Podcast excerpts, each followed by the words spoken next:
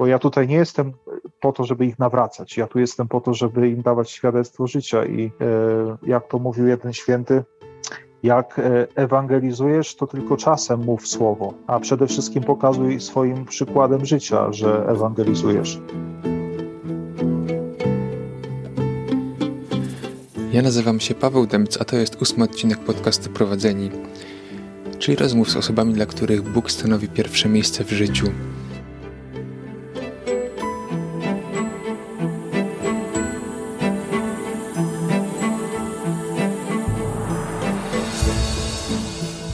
Tak więc e, witam e, serdecznie. Moim gościem jest dzisiaj ksiądz Łukasz Hołup, misjonarz, który na swoich misjach jest już od 2014 roku. Pierwsza była w Ekwadorze, z tego co czytam na, na, jego profilu, a teraz obecnie jest w Papui Nowej Gwinei i dzisiaj właśnie porozmawiamy sobie o tym, jak wygląda właśnie takie życie praktycznie na misjach, jak od strony właśnie misjonarza. E, także więc witaj serdecznie e, Łukaszu. E, I chciałbym na początku zadać Ci pytanie, skąd w ogóle się wziął u Ciebie pomysł, żeby zostać misjonarzem? Czy to było już przed Twoim powołaniem? Czy po powołaniu zastanawiałeś się nad tym? Czy, czy to było właśnie już od zawsze taki, taki plan, że, że kiedyś będziesz na tych misjach?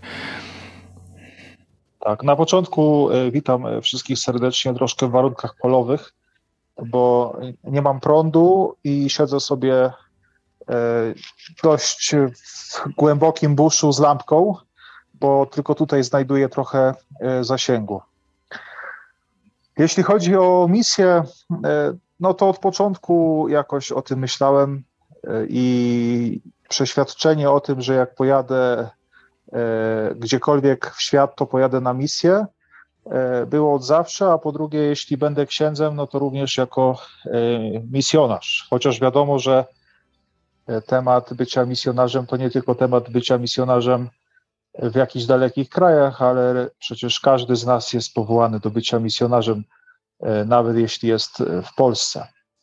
Więc jakoś te myśli o tym, aby gdzieś jako ksiądz pojechać w przyszłości od zawsze były, E, I potem jako ksiądz e, i, i, jeszcze przed byciem księdzem w seminarium starałem się to jakoś wszystko e, rozwijać, między innymi ucząc się języków, poznając nowe kultury. No i dzisiaj jestem w tym miejscu, w którym jestem. Nie ukrywam, że też było to związane z walką, bo to nie jest też tak łatwo pojechać na misję. To mhm. trzeba mieć specjalne pozwolenia i oprócz pozwoleń wiadomo, że języki i chęć pozostawienia swojego domu i poznanie nowych kultur, ale przede wszystkim pierwszy krok no to, e, to jest zostanie księdzem jako misjonarz katolicki, a po drugie jest to uzyskanie pozwolenia od swojego e, arcybiskupa. Ewentualnie jeszcze później możemy dopowiedzieć, jak to, jak to w ogóle wygląda w Kościele katolickim kwestia misji, misyjności e, czy, czy wyjazdu na misję. Właśnie chciałem to właśnie dopytać w kontekście, jakie trzeba spełnić e, wymagania jako ksiądz, żeby na tę misję w ogóle móc pojechać. Czy trzeba mieć jakieś właśnie wiedzę na temat danego kraju, język lokalny, e, trzeba mieć inne kompetencje, żeby w ogóle móc pojechać na tą misję. Dokument watykański Soboru Watykańskiego II mówi, e, dokument o nazwie Agentes, że jeśli jest to możliwe, to księża diecezjalni E, bo ja jestem księdzem diecezjalnym archidiecezji przemyskiej, e, powinni wyjeżdżać na misję na jakiś czas, aby zdobyć doświadczenie, poznać trochę z innej strony wiarę katolicką, inną kulturę, innych ludzi, a potem po paru latach na misjach powinni wracać do swojego kraju rodzimego i dzielić się tym doświadczeniem w swoich parafiach, w swoich diecezjach. E, tak więc, jeśli chodzi o wyjazd na misję, na misję może pojechać każdy ksiądz, który chce. I e, jeśli chce, zgłasza się do swojego arcybiskupa i ten kieruje go do Centrum Formacji Misyjnej do Warszawy, gdzie takowy kandydat ma się nauczyć języka. E, oczywiście, że nie nauczy się go w pełni, będzie się go też uczył dalej w przyszłości na e, misjach w danym kraju. W Centrum Formacji Misyjnej również będzie się uczył trochę kultury danego kraju, jakieś podstawy medycyny tropikalnej i wtedy będzie mógł wyjechać na, na misję. Tak więc misje są dla każdego, kto chce. To nie jest tak, że ktoś mhm. musi spełnić jakieś specjalne predyspozycje, specjalne jakieś, mieć jakieś specjalne zalety. Mhm. Ale też i wiadomo, wszystko zależy od przełożonych, czyli w moim przypadku to, to był ksiądz arcybiskup. Dokładnie, tak więc to rzeczywiście jest e, sprawa dosyć też skomplikowana logistycznie, e, ale z kolei na samej misji, z tego co widzę, bo jakby znalazłem Ciebie na Instagramie, dzielisz się na bieżąco wszystkimi działaniami, które na co dzień praktycznie pokazujesz, więc widać co, jak to, to, to wygląda taki od strony zaplecza. Natomiast e, z tego co widzę, to taki ksiądz na misji nie ma jakiegoś takiego wsparcia, nie wiem, jakichś pracowników, czy, czy, czy takiego infrastruktury, która by mogła mu pomóc. Tam e, jest w zasadzie z tego, co widzę, skazany w zasadzie tylko na siebie i na pomoc lokalnej społeczności. Natomiast widzę, że jest tam jakiś ośrodek misyjny, jest ten kościół, jest, e, jest gdzie mieszkać, ale jak to wygląda, jeżeli chodzi o jakieś wsparcie? Jesteś jednak jedynym białym tam chyba w okolicy.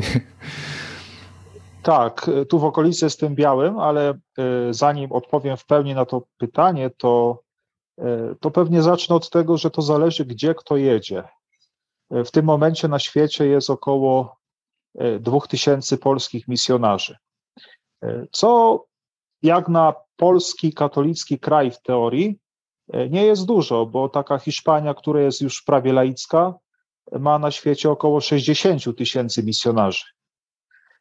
Tak więc w wielu miejscach misjonarz często jedzie do miejsca, gdzie już są jacyś misjonarze. Wtedy go przyjmują, wprowadzają e, i, i mu pomagają. Nie tak było w moim przypadku, jeśli jechałem do Ekwadoru. Nie jechałem w ciemno, jechałem do pewnych Polaków e, z mojej archidiecezji, z którymi byłem przez pierwsze trzy miesiące i potem trafiłem na swoją placówkę w Ekwadorze, Tundajmę, potem do Valladolid. W Papui Nowej Gwinei z kolei to jest to tak, że nie mam tutaj nikogo z mojej archidiecezji, więc niejako przyjechałem w ciemno, aby się nauczyć języka, aby zostać skierowanym na jakąś placówkę tam, gdzie są potrzeby. Więc o tyle jest to tutaj trudniejsze. No jeśli chodzi o pomoc, e, no to w wielu miejscach, w wielu przypadkach misjonarz jest faktycznie zdany sam na siebie. E, musi poznać na co trzeba uważać, na jakie sytuacje zwrócić uwagę, komu można zaufać, komu można, komu lepiej nie ufać. E, wiadomo, że początki są też trudne, bo to też sprawdzenie, do jakiego miasta można pojechać, gdzie można zrobić zakupy, w którym sklepie jest bezpiecznie, gdzie można na przykład zaparkować samochód w mieście i tak dalej. To jest to, jak to wygląda na miejscu. A jeśli chodzi o pomoc misjom, e, jeśli chodzi o tą pomoc misjom od strony Polski, no to jako ksiądz diecezjalny, e, mój arcybiskup jako diecezja, archidiecezja przemyska wspiera misjonarzy. Rocznie to jest 1000 euro finansowo, czyli około 4000 złotych rocznie dostaje. No i, i, i Warszawa, Komisja Misyjna daje 3,5 tysiąca złotych misjonarzowi też na rok, czyli gdybym to porównał na przykład teraz w tym roku, to jest 4 y, plus 3,5 to jest 7,5 tysiąca złotych otrzymałem na wyjazd do Papui Nowej Gwinei jako na start, y, a na bilet do Papui Nowej Gwinei wydałem 6 tysięcy złotych, czyli praktycznie niejako Polska mi zapłaciła bilet do, do Papui Nowej Gwinei. A już w Papui to jest to wsparcie tutejszych ludzi, którzy przynoszą warzywa, owoce. Jest to wsparcie biskupa, który w jakimś tam e, nikłym, ale jakimś procencie wspiera paliwo do samochodu, do motocykla czy do generatora prądu, e, ale też są to poszczególne osoby z Polski, raczej osoby, które mnie znają, które e, czasem zapytają się, czy coś mi potrzeba, czy jakoś mogą pomóc, e, czy ewentualnie też i zamawiają intencje mszalne i wtedy przesyłają ofiary e, na, na moje konto. Nie? I to jest ta, ta pomoc tutaj i misją, jak, jak to wygląda w rzeczywistości. No to rzeczywiście, praktycznie tylko w zasadzie możesz liczyć na łaskę drugiego człowieka w tym momencie. E, jednocześnie e, tam w Papui Nowej Gwinei chyba nie ma jakiejś struktury takiej kościelnej oprócz misji, tak? Czy są tam też lokalnie jakieś tam, nie wiem, biskupiny, jak to nie znam się.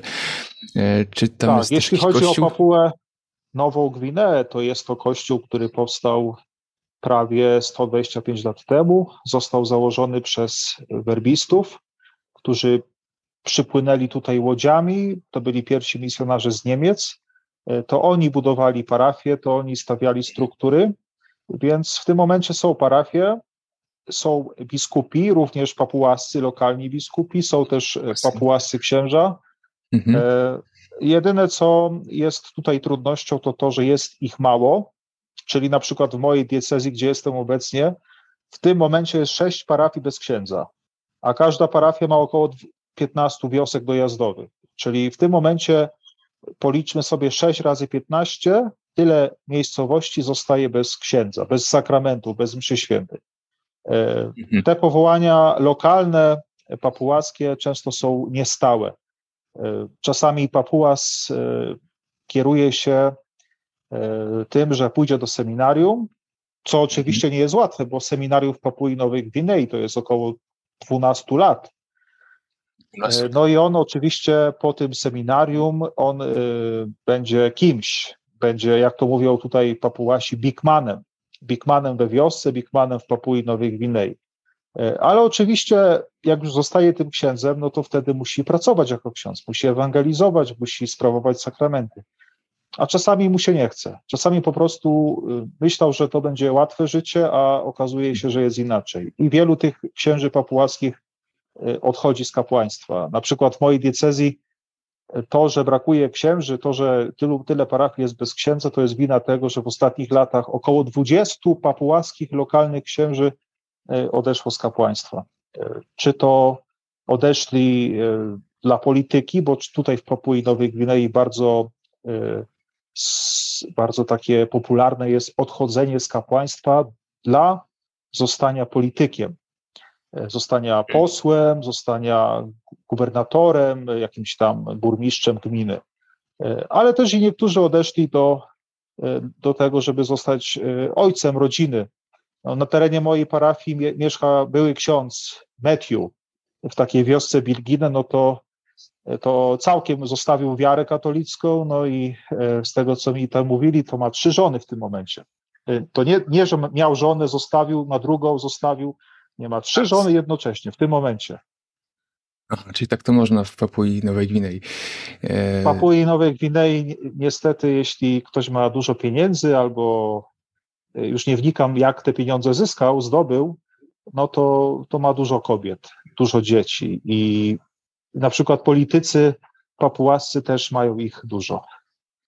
Mhm.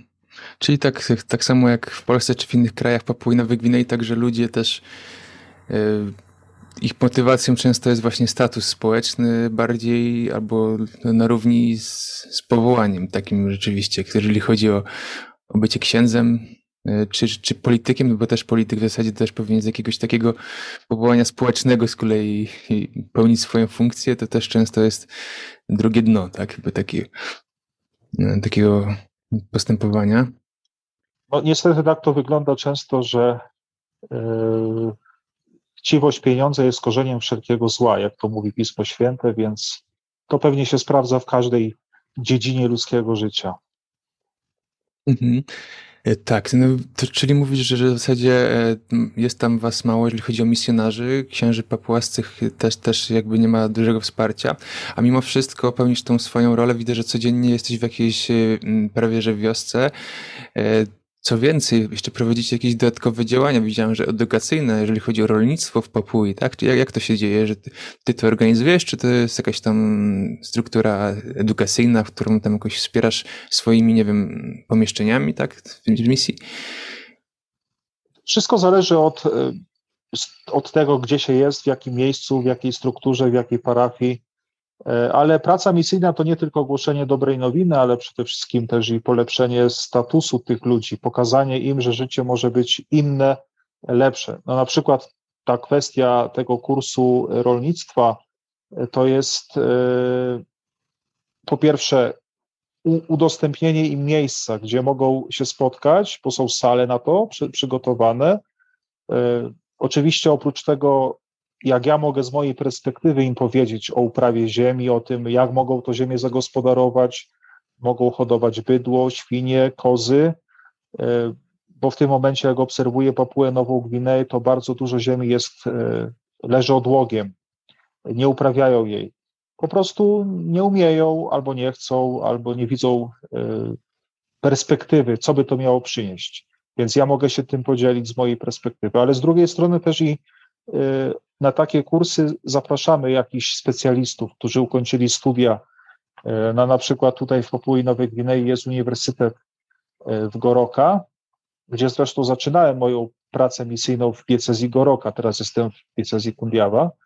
To tam jest uniwersytet, gdzie wielu e, młodych ludzi może zdobyć doświadczenie naukowe. Są specjaliści nie tylko papułascy, ale z innych krajów, którzy ich kształcą. Więc na takie kursy również zapraszamy jakichś ekspertów tutejszych, którzy mogą coś więcej im pokazać. A po drugie też, jak tam nieraz się w tych relacjach przewijało, to też i pokazanie im, że to życie może być y, o wiele lepsze, że nie muszą żyć od walki do walki, od szukania wiedźmy do szukania wiedźmy, od spalenia wiedźmy do spalenia wiedźmy. I, i takie takie elementy też tej pracy misyjnej akurat tu w Papui Nowej Gwinei są. I y, no jest to dość szeroka praca, praca nie tylko ewangelizacyjna i duszpasterska. Dokładnie. E, teraz jeszcze bym tak chciał podsumować, jak wygląda taki mm, typowy dzień misjonarza, bo mm, mniej więcej jestem w stanie zorientować się na podstawie Twoich relacji, natomiast e, czy masz jakiś taki, nie wiem, harmonogram, że musisz, nie wiem, obejść dany obszar wioski w danym miesiącu? Czy to jest twoja własna inicjatywa? E, czy, czy bardziej gdzieś tam właśnie to jest jakoś zaplanowane wcześniej? Czy bardziej spontanicznie? Tak, to więc e, mój, mój pobyt tutaj w tej akurat parafii Koge w Papui Nowej Gwinei to jest to e, wszystko zaplanowane, wcześniej to planuję, wcześniej sobie rozpisuję harmonogram. Oczywiście, że e, gdyby mnie ktoś nie kontrolował, gdyby mnie ktoś kontrolował, nie kontrolował, to e, mógłbym sobie na przykład odpuścić tą pracę, bo w tym momencie moje doświadczenie jest takie, że nikt tego nie będzie kontrolował. To jest moje sumienie, moja praca e, własna, mój harmonogram własny, a więc wcześniej sobie planuję, mhm. jakie wioski odwiedzę, kiedy je odwiedzę, czy przy, przy okazji odwiedzin przy okazji sprawowania sakramentów na przykład mogę pójść jeszcze odwiedzić parę innych osób, czy zorganizować jakiś y, kurs, czy zorganizować jakąś inną rozmowę. Y, I wtedy na przykład jutro będę miał spotkanie przedstawicieli wszystkich wiosek tu w Kowe i wtedy wręczam każdemu przedstawicielowi plan. I on wraca do swojej wioski i on przedstawia ten plan, że w tym i w tym dniu o tej o tej godzinie przyjdzie pater pater, czyli po papułasku ksiądz. E, I wtedy oni się przygotowują, gromadzą się tam e, w tej kaplicy, do której przybywam. Więc e, mam tutaj w Kogę, w tej wiosce, gdzie jestem głównej, mam 13 wiosek dojazdowych, do których dochodzę, dojeżdżam samochodem albo dojeżdżam motocyklem.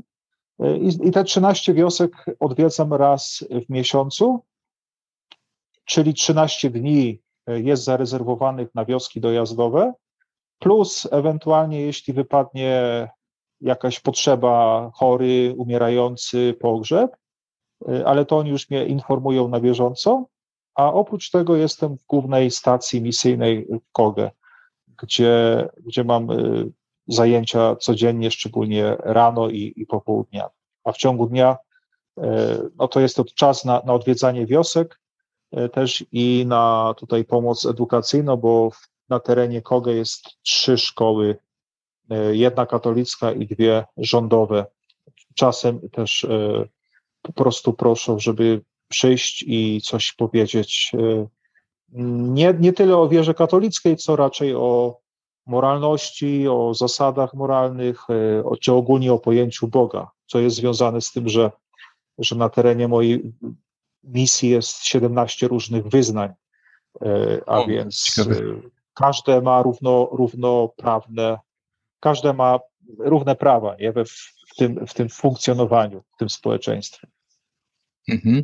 To czyli rzeczywiście, e, tak, tak mnie też zastanawia, jak to wygląda, jeżeli chodzi o taką świadomość, czy, czy życie sakramentalne lokalnej społeczności, na ile oni są do tego, e, traktują to jako taką, nie wiem, jedną z wielu e, wiar, czy, czy, czy jest tam jakby grupa takich papułasów, którzy rzeczywiście są zadeklarowanymi chrześcijanami, a nie w zależności od tego, jaki przyjdzie, nie wiem, misjonarz do, do wioski, to też tak oni będą e, uczestniczyć w tych, w, w, tych nabożeństwach, czy, czy, czy zajęciach, czy czymkolwiek. Tak, to jest pewnie ogólnie teraz temat bardzo złożony, jeśli chodzi o cały świat, bo w Ekwadorze również tych wyznań było kilka, e, tutaj jest ich 17. E, są katolicy, którzy są od, od zawsze katolikami i, jako katolicy umrą ale coraz to więcej młodych ludzi e, w ogóle opuszcza wiarę chrześcijańską i nie wierzy w nic. Nawet, nawet nie wraca do tych swoich starych wierzeń, gdzie uważano, że słońce to oko Boga, że zaćmienie słońca, no to, że Bóg się gniewa, że należy złożyć jakąś ofiarę z ludzi i, i tak dalej, i tak dalej. E, po prostu wielu ludzi, wiele ludzi opuszcza całkiem religię i po prostu są jak oni to mówią, stop nothing, czyli e, nie wierzy w nic. E, ale też i w XX wieku no, zaczął się ten boom różnych e, wyznań, sekt protestanckich. Więc pierwszy kościół tutaj w Koge to był rok 1932, Niemiec Karl Moschheuscher, który zakłada misję. To był jedyny kościół, który był tutaj w okolicy, jedyne wyznanie, jakie było w okolicy. E, a więc mhm. w samym Kogę tylko e, było chyba cztery msze w ciągu dnia, w samym Kogę. E, potem z biegiem czasu zaczęli przychodzić luteranie, adwentyści Dnia Siódmego, potem przychodzili jeszcze jacyś Izraelici, którzy w ogóle nie mają z Izraelitami nic wspólnego, ale się nazywają Izraelici, czy jakieś asam, zgromadzenie Boga i takich jeszcze tam innych nas jest wiele. I oni przychodzili, ale potem ci sami, którzy przychodzili, oni się dalej dzielili. No na przykład adwentyści Dnia Siódmego mieli prawo, że prze, przestrzegają szabat i nie będą jeść świni, mięsa ze świni. Ale pojawił się jakiś inny człowiek, który powiedział, no jak, nie będziemy jeść mięsa ze świni, ale świnia jest czymś ważnym u nas. I w związku z tym sobie założył swój własny kościół, gdzie mają szabat, ale oni jedzą mięso ze świni. No i tak te rozłamy się tutaj też dokonują, e, bo też nie ma pogłębienia teologicznego. E, czasami, mm, no na przykład, gdyby do mnie przyszedł człowiek, nie? I, i mówi do mnie, że ma cztery żony, a tacy się zdarzają. I ja mu powiem, nie możesz mieć czterech żon naraz, bo nie możesz przyjąć ślubu w kościele i nie możesz chodzić do komunii.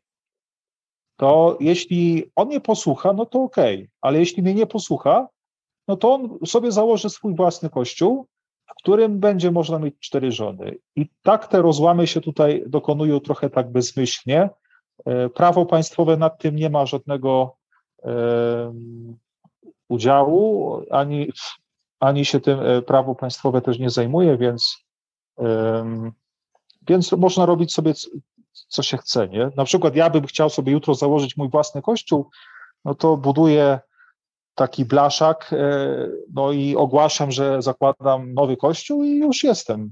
Mogę głosić, mogę, nie wiem, wołać o ofiary tych ludzi, mogę mówić, że jak mi nie przyniesiecie ziemniaków, pomidorów, no to Pan Bóg wam nie okaże miłosierdzia. I, i tak to trochę tu funkcjonuje. Ale chyba jakaś taka świadomość e, tego kościoła katolickiego jest, bo jednak on już od, ty mówisz, 930 roku tutaj istnieje. Papuasi chyba są w stanie to, to Tak, oni wiedzą, że kościół katolicki to jest pierwszy kościół. E, oni to nazywają e, katoliksiosem mama bilongolgetasios, czyli kościół katolicki to mama wszystkich kościołów. Nie? Oni wiedzą, są świadomi tego, że kościół katolicki przyszedł pierwszy, i Kościół katolicki dał im podstawy pod edukację. Kościół katolicki budował szpitale, szkoły, oprócz oczywiście wiary, liturgii i tak dalej, bo na przykład pierwsza konstytucja Papui Nowej Gwinei była pisana na mojej plebanii, gdzie ja w tym momencie mieszkam. W 1975 roku to księża katolicy pomogli Papuasom napisać pierwszą konstytucję. To w każdej parafii jest szpital, który zakładał Kościół katolicki. W każdej parafii jest szkoła, którą założył, zakładał Kościół katolicki. No z biegiem czasu, kiedy ci ludzie odchodzili od Kościoła katolickiego, z różnych powodów, pewnie ich jest wiele, trudno je w tym momencie opisać, no to z czasem te szkoły, szpitale przechodziły pod jurysdykcję państwową. No i, no i tak dzisiaj mamy to trochę tak porozrzucane po całej Papui. Tam, gdzie był kiedyś kościół katolicki, tak dzisiaj tam go nie ma. Tam, gdzie była przychodnia katolicka, szkoła katolicka, często już jest, jest rządowa szkoła ale jakoś tam w pamięci to jeszcze im zostaje. No tak, tak, jeżeli szczególnie tak mówisz, jeżeli te, te, te szpitale powstawały jakby z tej inicjatywy, no to, to jest chyba jakaś taka wdzięczność za to. E, natomiast e, z drugiej strony patrząc, są te, są te lokalne wierzenia, są tam jacyś, e, tak mówisz, tam się ściga wiedźmy i później się zabija z łuku i pali. Także to są normalnie jak w średniowieczu, um, że tak powiem, przesądy.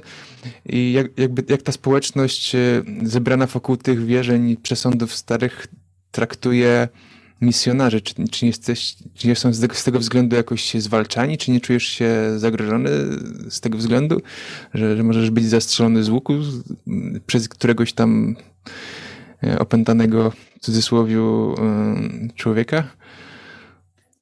To znaczy, myślę, że też e, te rzeczy się zdarzają, jak walki plemienne, jak walki o ziemię, jak palenie wiedźmy, e, bo Papuasi nie wierzą na przykład, że młody człowiek może umrzeć w wypadku, czy może zachorować nagle, po prostu ktoś musi rzucić czary. E, ale jak mówią mi starsi misjonarze, jak ja sam to obserwuję, ci, którzy to robią, ci, którzy się tego dopuszczają, to są to najczęściej ludzie, którzy zostawili Kościół katolicki, którzy nie wierzą w nic, a swoje postępowanie usprawiedliwiają tym, że e, przodkowie tak robili. Czyli normalny katolik, uformowany katolik, który przystępuje do sakramentów, e, on nie jest w stanie e, kogoś zabić, kogoś okraść czy spalić wiedźmę. Najczęściej są to ludzie młodzi, którzy wyzbyli się wszelkich przejawów wiary chrześcijańskiej. Y, oczywiście, kiedy się słyszy, że tam wybuchła walka, tam się biją, tam strzelają z łuku, y, tam y, ostatnio mi mówi kolega, że w jego parafii spalili 10 kobiet za rzekome bycie wiedźmą, to, to z jednej strony człowiek się tym przejmuje, bo to się dzieje tutaj obok, niedaleko. Coś, co się w Polsce nie działo, coś, co w Ekwadorze się nie działo. No ale z drugiej strony też i trzeba z tym jakoś funkcjonować, bo gdybym sobie to brał wszystko do siebie i się tym przejmował, to pewnie bym nie wychodził z domu e, i pewnie bym e, się załamał psychicznie. Co nie jest też wykluczone, bo e, znam misjonarzy, a nawet i misjonarki, siostry zakonne, które po prostu były świadkami różnych przykrych rzeczy i po prostu się załamały i stwierdziły, że wyjeżdżają, bo nie są w stanie psychicznie tutaj wytrzymać. No ostatnio przykład z diecezji Goroka, taka Jarosława, siostra zakonna ze Słowacji. Y, no przyszli w, w ciągu dnia, o 10 rano przyszli młodzi ludzie z maczetami, y, złapali ją, przystawili maczetę do gardła i mówią, że masz tam oddać wszystko, co masz, swoje pieniądze i swoje, wszystko z domu. I to, to jej pomogło, że jej pies wyskoczył i tych młodych ludzi przegonił, tak zwanych raskoli. Raskol to jest bandyta tutaj w Papui Nowej Gwinei. No ale ona mi powiedziała, ja już psychicznie nie wytrzymuję, bo to mi się zdarza co dwa, trzy tygodnie e, i podjęła decyzję, że wyjeżdża do, na Słowację z powrotem do swojego domu, do swojego kraju, więc, e, więc na razie słyszę tu, tam, czy w innym miejscu, że coś się może wydarzyć, to na razie tylko słyszę, to mnie wszystko omija, ale nie wiadomo, czy się nie wydarzy w przyszłości coś, co sprawi, że będę myślał inaczej. Na razie jedyne moje jakieś negatywne wrażenia, no to, to raz faktycznie dwóch młodych mężczyzn mnie ścigało, prawdopodobnie chcieli mnie okraść, ale zdążyłem uciec. E, no a tutaj w tych okolicach, gdzie jestem, no to pijaki. Zdarza się, że zatrzymują samochody i proszą o pieniądze za przejazd. Bo jak nie, nie zapłacę, no to wtedy mi powybijają szyby, poprzebijają opony. Więc e, jak na razie to im tam dawałem parę e, kina, czyli parę złotych na nasze polskie pieniądze i no i to jest też ciekawe, że w jednym momencie stoją ziojący nienawiścią, z maczetami w ręce, grożący śmiercią, jak im się nie da paru złotych, a jak im się już da, to się potrafią przytulić i już jesteś największym ich przyjacielem. Yy, więc to też jest to takie ciekawe. Yy, właśnie kilka dni temu, z tego co widziałem, miałeś taką sytuację, że były opady, jechałeś samochodem do jakiejś wioski i była droga zasypana i tam stali ludzie, którzy chcieli opłatę, żeby żeby tą drogę udrożnić, się przepuścić. Ty zdecydowałeś, że pójdziesz na pieszo do tej wioski, bo była niedaleko w miarę. Natomiast czy nie obawiałeś się z tego względu, że, że nie zapłaciłeś im, że zaraz wrócisz i będzie samochód z przebitymi oponami, czy, czy tutaj jakoś to wyczujesz, wyczuwasz, że no, to jest jakby już...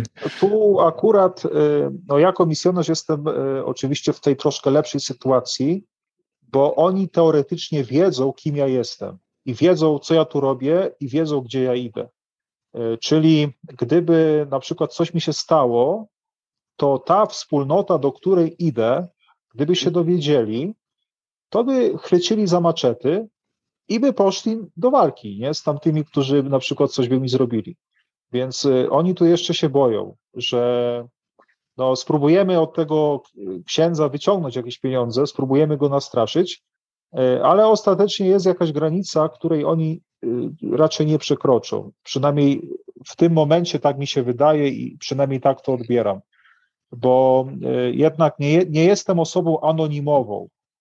Gdyby przyjechał jakiś turysta z Europy i sobie tak chodził po Papui, no to w pierwszym dniu by go obrabili, może by go porwali, a może jeszcze gorzej by zrobili. Ale w moim przypadku, e, czy ogólnie misjonarzy, którzy tu są, którzy są z tymi ludźmi, którzy e, przychodzą do tych wspólnot, odwiedzają chorych, starają się jakoś ich los polepszyć, to jednak powinni czuć ten respekt, a przynajmniej strach, że gdybyśmy coś zrobili misjonarzowi, no to może nas spotkać za to kara.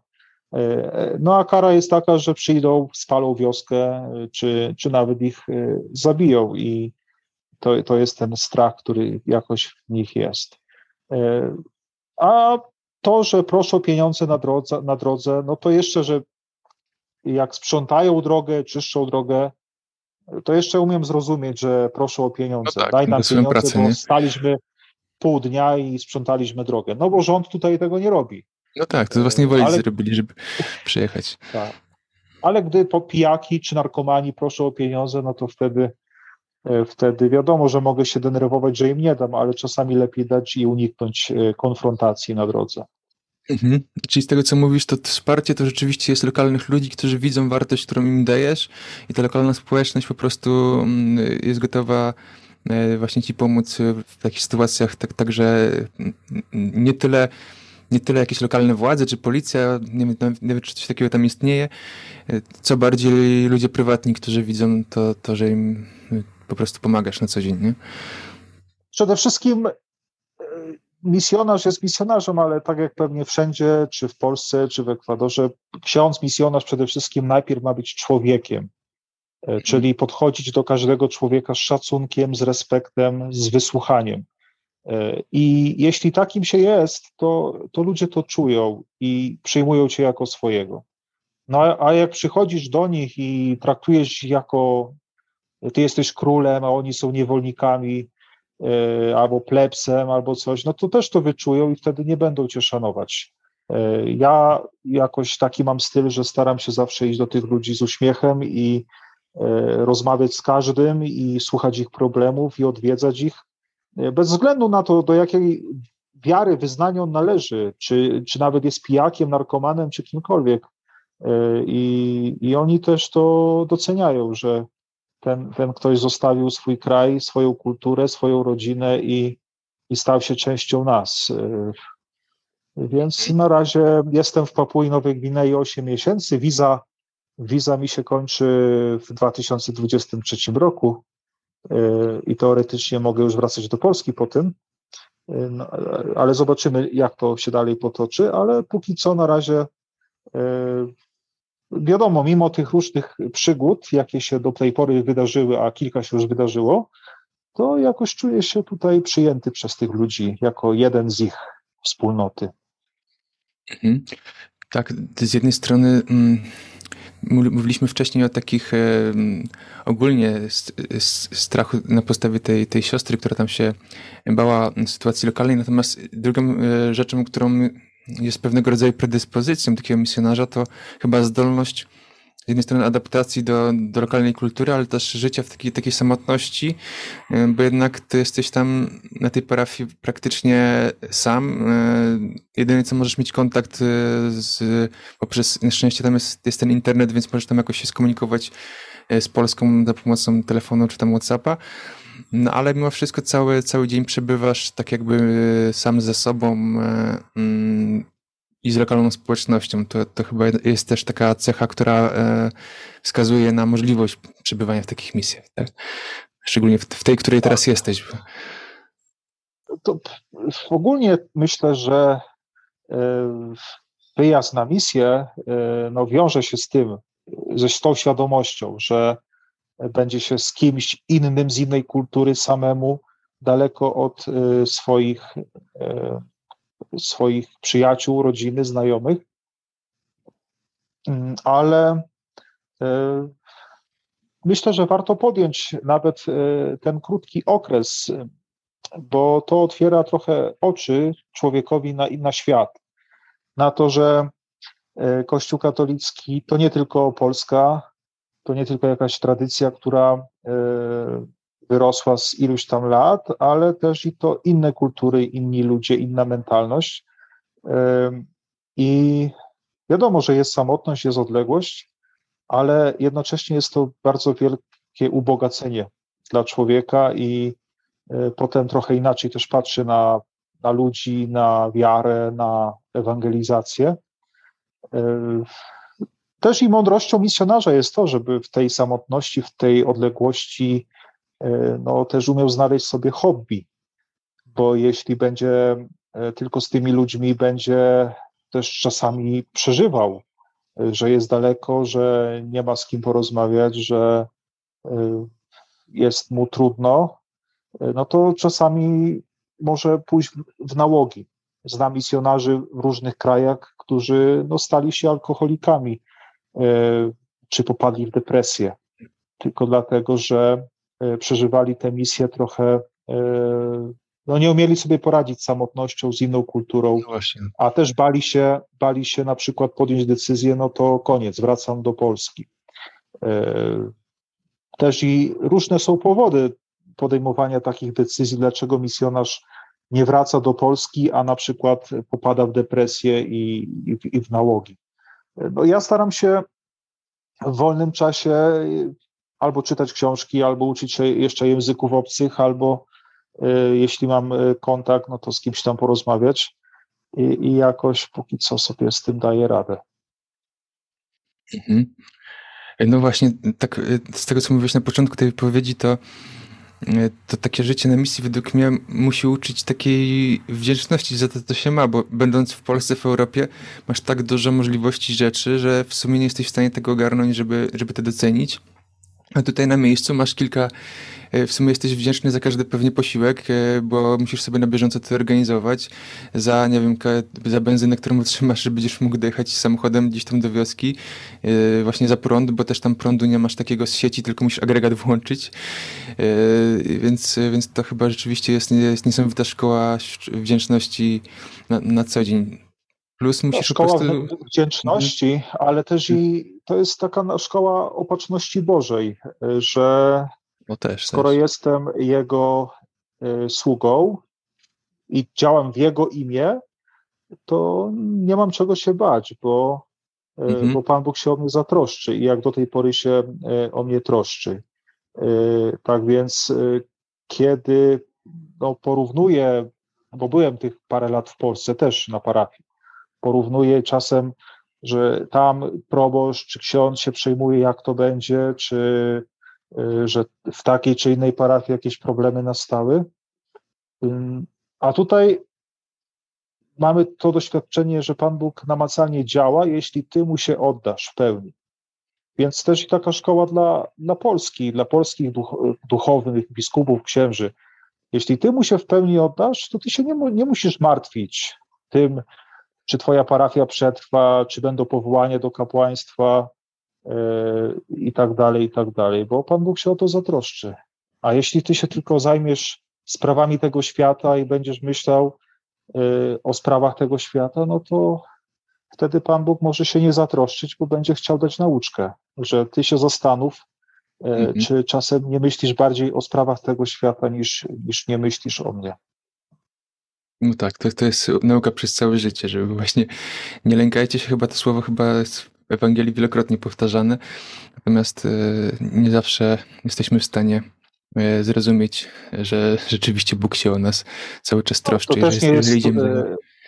też nie jest łatwe, bo mhm. ja już jestem na misjach ós, ósmy rok prawie, tak? Chociaż nie, nie ósmy. Cztery lata w Ekwadorze i teraz rok, czyli czyli piąty rok na misjach, w tym osiem lat y, księdzem. Tak, więc y, ja jestem jedyny na misjach z mojego rocznika. Nas wyświęcono w 2013 roku 18. I też od iluś tam lat już nie mam stabilności finansowej, nie mam pensji, E.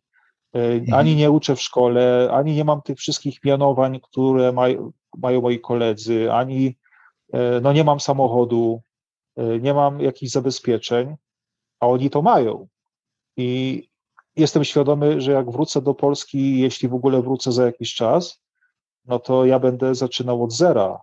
I mhm. też nie wiadomo, jak to w Polsce będzie, bo czasy są coraz trudniejsze i też jeśli chodzi o wiarę katolicką w Polsce. E, ale no jest to ta szkoła zaufania Panu Bogu, że jeśli mu się oddaje, to, to się nie ma co bać. No tak, tak. Myślę, że to jest niezastąpione doświadczenie, że no szczególnie też, też w kontekście kapłana Twoja misja. Natomiast e, zastanawiam się też bardzo ciekawa sprawa. Ostatnio pojawił się taki news e, w, w mediach, że Papua Nowa Gwinea oraz Polska są chyba tam na jakimś tam poziomie zagrożenia COVID-em, jako na tym samym poziomie w sensie. Y, czyli ta, ta epidemia w zasadzie tam też y, mocno, że tak powiem, daje się we znaki i zastanawiam się, jak ten czas, w którym ty byłeś, albo ogólnie czas COVID-u wpłynął w ogóle na życie misyjne, bo przypuszczam, że, że tutaj te ograniczenia także, czy to w Ekwadorze, nie wiem, czy to było w 2020 w Ekwadorze, chyba jeszcze nie, czy już nie? Tak, Natomiast wtedy byłem w Ekwadorze, kiedy wybuchła pandemia Mhm. no to w marcu 2020 w Ekwadorze zamknęli wszystko, całkowicie. E, wioski, wioski e, zostawały zasypywane kamieniami. Wjazdy i wyjazdy do wiosek, wojsko, godzina policyjna, a więc e, jak w 2020 roku w marcu zamknęli moją wioskę i zamknęli kościoły też całkowicie, nie wolno było otwierać kościołów, tak do końca mojego pobytu w tej wiosce nie otworzyłem kościoła. Rząd zakazał sprawowania Eucharystii i sakramentów, e, ani również nie wolno było opuszczać ani przyjeżdżać do mojej wioski. Czyli od marca do sierpnia taki stan, stan trwał. E, więc e, o tyle było trudno, że cała ta działalność z kościoła no, przeniosła się do domów. Co też nie było złe, bo czas zamkniętych kościołów to nie był czas e, braku Pana Boga. Po mhm. prostu ja jako ksiądz wtedy chodziłem do ludzi, do ich domów, tam sprawowałem sakramenty, tam spowiadałem, tam głosiłem Ewangelię. E, czyli jak to mówił e, ksiądz Halik, że czas zamkniętych kościołów to była okazja do tego, żeby wpuścić Pana Jezusa do domów, i tam Pan Jezus przychodził. Mhm. Tej, tej możliwości sprawowania sakramentów i transmisji przez internet w Ekwadorze nie było. Ale też i w tym czasie, kiedy była ta pandemia w Ekwadorze, kiedy miałem więcej czasu na myślenie, na modlitwę, to podjąłem decyzję o wyjeździe do Papui Nowej Gwinei. I wtedy w 2021 tutaj przyjechałem po półrocznym pobycie w Polsce, kiedy musiałem wyrobić wizę i pozwolenie na pracę. E, tutaj w Papui Nowej Gwinei, no teoretycznie COVID jest, ale w praktyce nikt tego e, nie widzi, nikt tego e, jakoś nie przeżywa. Rząd wprowadził jakieś tam lockdowny, ale tak naprawdę to one były teoretyczne. W praktyce myśmy tu żyli jak, jakby nigdy się nic nie stało. No i w tym momencie też żyjemy, jakby tutaj żadnej choroby nie było, więc. E, a czy ludzie umierają? No trudno powiedzieć. Tak jak umierali, tak umierają i tak będą umierać na różne schorzenia. A czy umierają na akurat wirusa, czy na cokolwiek innego, to nie wiem. Ale z tego co mówiłeś, to jednak szkoły zamknęli już przy kilka dni, kilka miesięcy przed wakacjami, bo teraz u was są wakacje chyba bodajże, tak? I uczniowie i takie tak, dzisiaj, dzisiaj rozpoczęły się wakacje, które potrwają dwa miesiące. E, w październiku zamknę, zamknę, zamknięto szkoły z powodu e, wirusa na miesiąc, e, a w listopadzie otworzyli te szkoły, ale nauczyciele nie wrócili, więc również te szkoły były nieotwarte, zamknięte. Teoretycznie dlatego, że wirus, ale w praktyce, tak jak mówię, życie się toczy, markety, bazary, w miastach tłumy E, tak więc nauczyciele nie wrócili nie dlatego, że się nie bali, czy się bali, tylko raczej dlatego, że e, no, nie chciało im się wracać. No. Dłuższe wakacje. Mhm. No to czyli, czyli rzeczywiście nie jest to, to odczuwalne, to, tak samo też jak w Europie nie jest, już jest taki jakby inny etap tego wirusa. E, tak się zastanawiam jeszcze, jak można e, takim, takim misją pomóc, e, pomóc fizycznie, jeżeli osoba, powiedzmy, świecka może oczywiście wesprzeć finansowo, przypuszczam, e, was na, na misji, ciebie osobiście. Natomiast czy jakoś można dołączyć do takiej misji jako osoba świecka, która by tam, nie wiem, pojechała, coś pomagała? Czy, czy na przykład, e, bo siostry zakonne też tam mogą się pojawić, rozumiem, z strony kościoła, ale jak to wygląda ze świeckimi? Czy, czy to też to, to jest możliwe? Tak, to też jeśli świecki chce wyjechać na misję E, na dłużej, no to również zgłasza się do swojego arcybiskupa. Arcybiskup kieruje taką osobę do Centrum Formacji Misyjnej, gdzie po kursie również wyjeżdża e, do jakichś zajęć tam, gdzie chce pojechać. Na moim roku formacyjnym w Warszawie były chyba trzy panie świeckie, które pojechały mhm. e, na misję na rok czy na dwa i po dwóch latach wróciły. Ale też i wiadomo, że można pojechać sobie na własną rękę bez żadnych przygotowań misyjnych w ramach e, wizy turystycznej, czy to będzie dwa czy trzy miesiące. Tylko wiadomo, że trzeba jechać e, w jakimś konkretnym celu, żeby nie jechać na zasadzie, a pojadę, coś zrobię, a przyjadę i tak naprawdę nie wiadomo, co robić. Więc, no, tak, e, no nie wiem, może to być murarz, tynkarz, może to być układanie płytek, może to być lekarz, pielęgniarka, ktokolwiek. Aczkolwiek wiadomo, że no, wyjazd wyjazdowi nierówny i czasami też i może się zdarzyć wypadek, może się zdarzyć choroba i, czy napad, czy cokolwiek innego, więc, więc raczej misje należą do odważnych, ale do odważnych świat należy. Mhm. No tak, to też w zależności od miejsca, w które się wybiera, bo tutaj jak mówisz, jak ktoś przyjdzie sobie na własną rękę i zacznie spacerować tutaj po, od wioski do wioski, to szybko może spotkać się e, z, że tak powiem, agresywnym e, żebractwem, które skończy się nieciekawie. Natomiast też są kwestie związane takie właśnie jak mówisz, klimatyczne, czy, czy nie wiem, posiłków lokalnych, czy chorób, czy, czy nie wiem, owadów, które ci mogą ukąsić. Co w takich sytuacjach? Czy tam jest jakaś opieka medyczna, czy tylko możesz liczyć na jakąś medycynę naturalną z lokalnej wioski? Czy jakiś szpital tam na przykład jest? E, Przede wszystkim e, przed wyjazdem do, do, na misję, no to są zalecane szczepienia. E, do Ekwadoru to się szczepiłem na żółtą gorączkę, na dur brzuszny, na malarię, znaczy na malarię nie ma szczepionki, na żółtaczkę, e, a do Papui to się e, już nie szczepiłem na nic. Wziąłem po prostu trochę leków, antybiotyków, jakichś tam przeciwgorączkowych, przeciwzapalnych. A tutaj, jeśli chodzi o Papułę, no to medycyna jest dość słabo rozwinięta. Jest dwóch, dwóch księży w całej Papui, którzy są lekarzami specjalistami, więc jeśli coś się dzieje misjonarzowi, to, to się raczej udajemy do nich e, i oni nam e, jakoś tam starają się pomóc. No i te katolickie szpitale, no to tam podstawowe leki na malarię, na e, jakieś bakterie, robaki, tasiemce, no to tam wszystko, wszystko jest, czy na tyfus. Mhm. No więc jakoś, ale na razie jakoś, ja 8 miesięcy jestem w Popui i na razie funkcjonuje. Raz tylko brałem tabletki na robaki, bo coś czułem, że chyba dostałem. A poza tym na razie malaria mnie unika.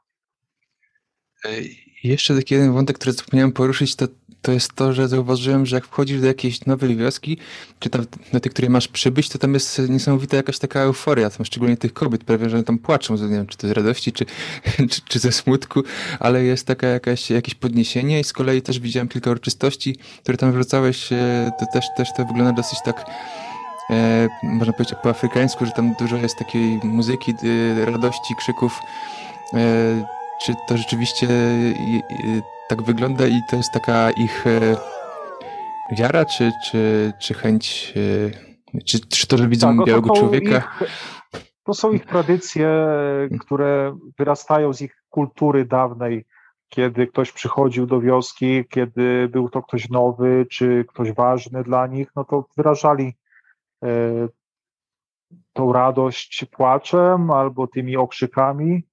E, więc jest to wpisane w ich, w ich kulturę. Czy jak zaczynały się walki plemienne, to również były te okrzyki wojenne, nie? Czyli oni te okrzyki, kiedy kiedyś były te, e, były wojenne przed wojną, przed walką, to czasami je e, komponują teraz w takie e, oficjalne przywitania, jak ktoś przychodzi. To nie tylko ja, jakby ktokolwiek inny przyszedł, to, to, to by były. No oczywiście też to nie, to, to nie jest pełnia tego, co oni są w stanie zrobić, bo tak naprawdę y, w ich kulturę też jeszcze się zalicza y, no, specjalny ubiór, to kiedy jest jakaś szczególna uroczystość, to mi mówił taki Francis Pater Mipela i Saveraus in Klos, czyli no, ubierają się w takie specjalne stroje, no, też i rzucają ubranie, nie? wtedy się ubierają w te liście, jakieś tam kwiaty i tak dalej, nie? Więc, y, więc to kiedyś też się wydarzy.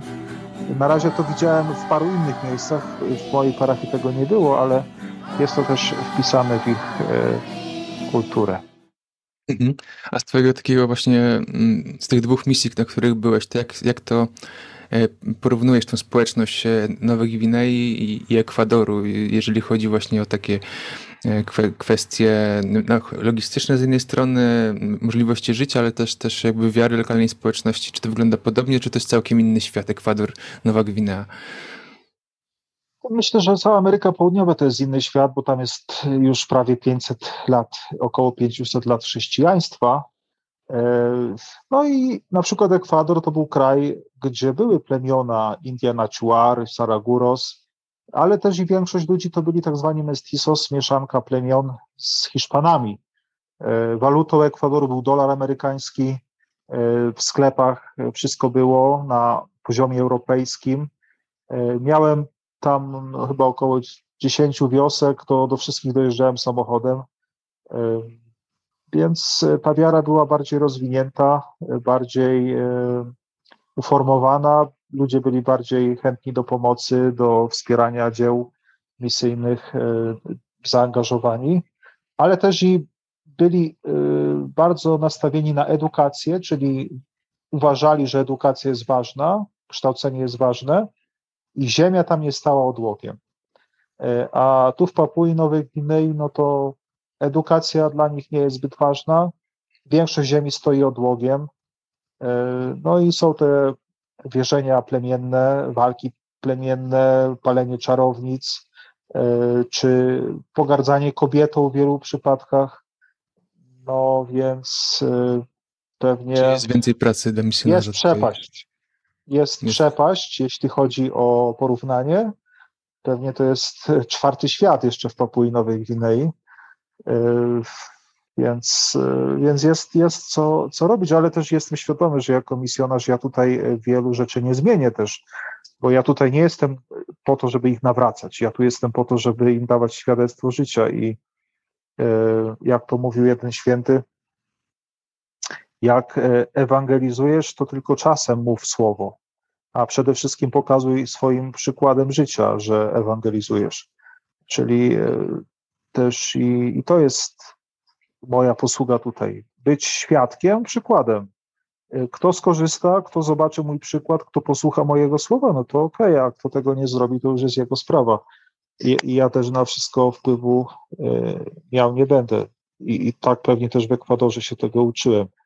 Bo czasami są sytuacje, że człowiek się załamuje. Mówi, mówi, mówi, pokazuje przykład, a i tak za chwilę ktoś zrobi co innego. Nie? I, i na to wszystko człowiek wpływu nie ma i musi się nauczyć przejść obok tego e, normalnie. E, szczególnie kiedy nie ma się wpływu na jakieś niezawinione cierpienie czyjejś osoby. Mhm. No tak, tutaj rzeczywiście mm, to, co pokazujesz, no tak, bo przychodząc na drugi koniec świata, zostawiając e, rodzinę i też nie mając środków za bardzo, to, to, to jest świadectwo pewnego rodzaju, które może inspirować. Miejmy nadzieję, że zainspiruje jak, najwie, jak, najwięcej osób. Jak Ciebie jeszcze można wspierać tutaj, już końcu, kończąc naszą rozmowę? E, czy masz stronę, widzę mm, www.łukaszcholub.pl, a także na Instagramie Oczywiście wszystkim polecamy obserwowanie tego profilu misjonarz w Papui, oddzielone podkreślnikami. To, to link umieszczę w opisie. E, tutaj oczywiście możecie znaleźć e, u Łukasza na co dzień informacje, co się dzieje w Papui, ale co, co jeszcze można jakoś, e, masz jakiś tam patronite, czy nie wiem, czy, czy miejsce, czy numer konta, gdzie można cię wspierać, jeżeli chodzi o finanse? No to jak ktoś tam jest zainteresowany, to tam jest mail, może się odezwać na maila i wtedy się konkretnie pytać, jak, jak wspierać, ale przede wszystkim pamięć najważniejsza, bo, bo też jako misjonarz, no ja tutaj nie jestem na własną rękę, jestem przedstawicielem po pierwsze Kościoła katolickiego, po drugie przedstawicielem Polski, e, więc e, też i, i robię te relacje, zamieszczam zdjęcia po to, żeby ktoś się tym interesował, ktoś zwrócił na to uwagę. Więc gdyby tak się stało, to, to zawsze będę e, wdzięczny. E, a w dalszej perspektywie to, to wiadomo, że e, na misję wyjeżdżamy tylko na jakiś czas. No, zapaleńcy tacy wyjeżdżają na całe życie. Są tacy, co są po 80 lat na misjach. No, nie wiem, ile ja będę. Póki co na razie wiza mi się kończy w 2023 roku, a potem będę myślał, czy przedłużać na kolejne trzy lata, czy, czy też i e, wracać do Polski, czy też jechać jeszcze gdzie indziej. E, no wiadomo pewnie też, że e, dzisiejsze czasy również w Polsce są takie, że no, będzie potrzeba świadków w coraz, w coraz większej liczbie. Mhm. Tak, dokładnie. Także ja przede wszystkim Tobie życzę y, bezpieczeństwa tam y, na co dzień i no, żebyś bieżące sprawy, y, które masz, rozwiązywał. Wiem, że teraz ostatnio miałeś temat zakupu świni, to też ciekawe, ciekawa sprawa. Wczoraj Ci ukradli kozę, więc to takie, że tak powiem, problemy całkiem z innej bajki, które jak słyszymy tutaj w Europie. Także życzę, żebyś miał co jeść na co dzień i żeby tutaj lokalna społeczność czerpała swojego świadectwa. Dziękuję Ci za tę rozmowę przede wszystkim i za Twój czas, e, który teraz poświęcasz. Tak, dzięki. E, u nas już jest 21. Mhm. E, co prawda, wiadomo, że z tą świnią to też są ciekawe sytuacje, też i próbują oszukać. Koza faktycznie mi ukradli, no ale ostatecznie wieczorem człowiek przychodzi do domu i się zaczyna śmiać z tego wszystkiego, bo, no, bo co innego zostaje. Tak, ciekawe doświadczenie. Dokładnie. Tak więc co, jeszcze raz dziękuję i do zobaczenia. Może jeszcze raz się uda dziś tam spotkać na łączach, bądź też na pewno na Instagramie. Wszystkiego dobrego. Dobrze. Cześć Boże. Dzięki. Proszę.